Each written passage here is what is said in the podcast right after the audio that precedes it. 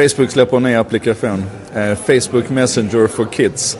Och det är fascinerande att närmast i realtid kunna följa hur internet kollektivt exploderar och drar en säkring. Gå in och titta på lite artiklar eh, och, och spana efter ord som distaste, distasteful och, och shameless.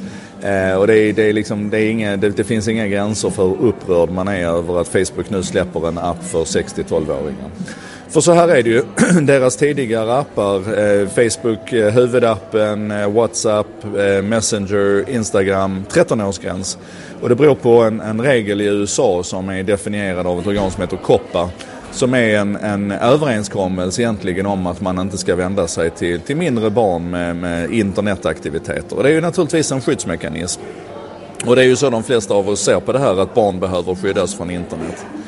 Men nu släpper alltså då Facebook en app som heter Messenger for Kids och den, är, den vänder sig till 6 till 12-åringar, alltså snäppet under dem, under de som får använda de vanliga applikationerna.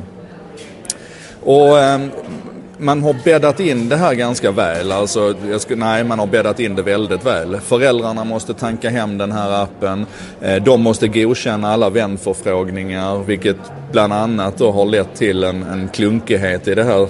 Om, om två barn, om två tioåringar vill kunna connecta med varandra på den här plattformen så måste först deras föräldrar vara vänner och, och connecta för att sen kunna släppa in sina respektive barn och connecta dem och sådär. Men okej. Okay det verkar finnas en förståelse för att ska man göra det här så måste man göra det på, på det här sättet. Vad det inte finns så mycket förståelse för tycker jag det är varför man gör det här överhuvudtaget. Men som sagt, den vanligaste frågan jag har fått är nästan så här, vad finns det för sociala plattformar för barn? Och tittar vi på hur demografin ser ut så, jag ska rabbla lite siffror här från svenskarna och internet. Eh, 98% av sexåringarna är internetanvändare. Alltså 98% är internetanvändare. Ehm, 80% använder mobilen som sexåringar men bara 6% har en egen. Däremot så går det brant uppåt här sen så 33% av sjuåringarna har en egen mobiltelefon. 71% av nioåringarna och när vi är uppe i 11 år, alltså tre år innan man får lov att börja använda Facebook, så är det 98% av de svenska 11-åringarna som, som har en egen mobil. Och då är det ju klart att, att det här är ett, ett, ett sätt att försöka se till att de kan använda även då sociala medier och meddelandeplattformar för att kommunicera med föräldrarna, med mormor och morfar, farmor och farfar men också med kompisarna. Utan att man ska behöva gangstra, alltså utan att de ska tvinga sig till ett, ett fejkat Facebook Messenger-konto med allt vad det då kan innebära i, i andra änden. Och jag tycker det är fascinerande att tänka lite grann på det här faktumet att, att Mark Zuckerberg har ju nu, han har en dotter född 2017, han har en dotter född 2015. Han och Priscilla funderar ju mycket på de här barnens framtid och så. Och likadant är det med många av de andra seniora cheferna på Facebook nu. De börjar komma upp i en ålder där de faktiskt har barn. Och vi ska nog ha klart för oss att den här idén med ett Facebook Messenger for Kids det hade inte college Mark Zuckerberg kommit på att det behövdes utan det här är naturligtvis en konsekvens av att de börjar se världen på, på ett annat sätt.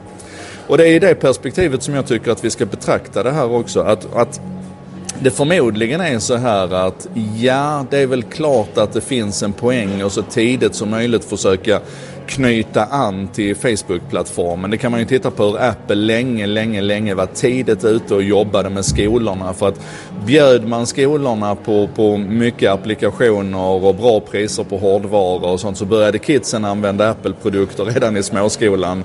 Och då var sannolikheten större att de ville fortsätta använda Apple-produkter när de blev vuxna och skulle fatta egna beslut och så här. Men det där är en känd mekanism och ja, visst det är klart att det finns. Men jag tror faktiskt också att det finns ett spår av genuin omsorg i det här. Alltså det är ju mitt perspektiv på detta. Det är att de flesta människor är inte dumma i huvudet. Och jag tror att Mark och Priscilla är ganska måna om att en vacker dag ska de kunna titta sina döttrar i ögonen och säga att vi försökte faktiskt göra good shit. Um, och jag tror att det här är ett steg i den riktningen. Nu släpps den här applikationen bara i USA inledningsvis och bara för iOS. Det är där det finns så tajta skyddsmekanismer. Uh, men den kommer naturligtvis för Android och den kommer att rulla ut över hela världen. Om den kommer till Sverige, om den kommer till EU med våra tajta lagstiftningar som vi har diskuterat här tidigare. Det återstår att se, det vet vi ingenting om. Men vi håller ögonen på vad som händer i USA.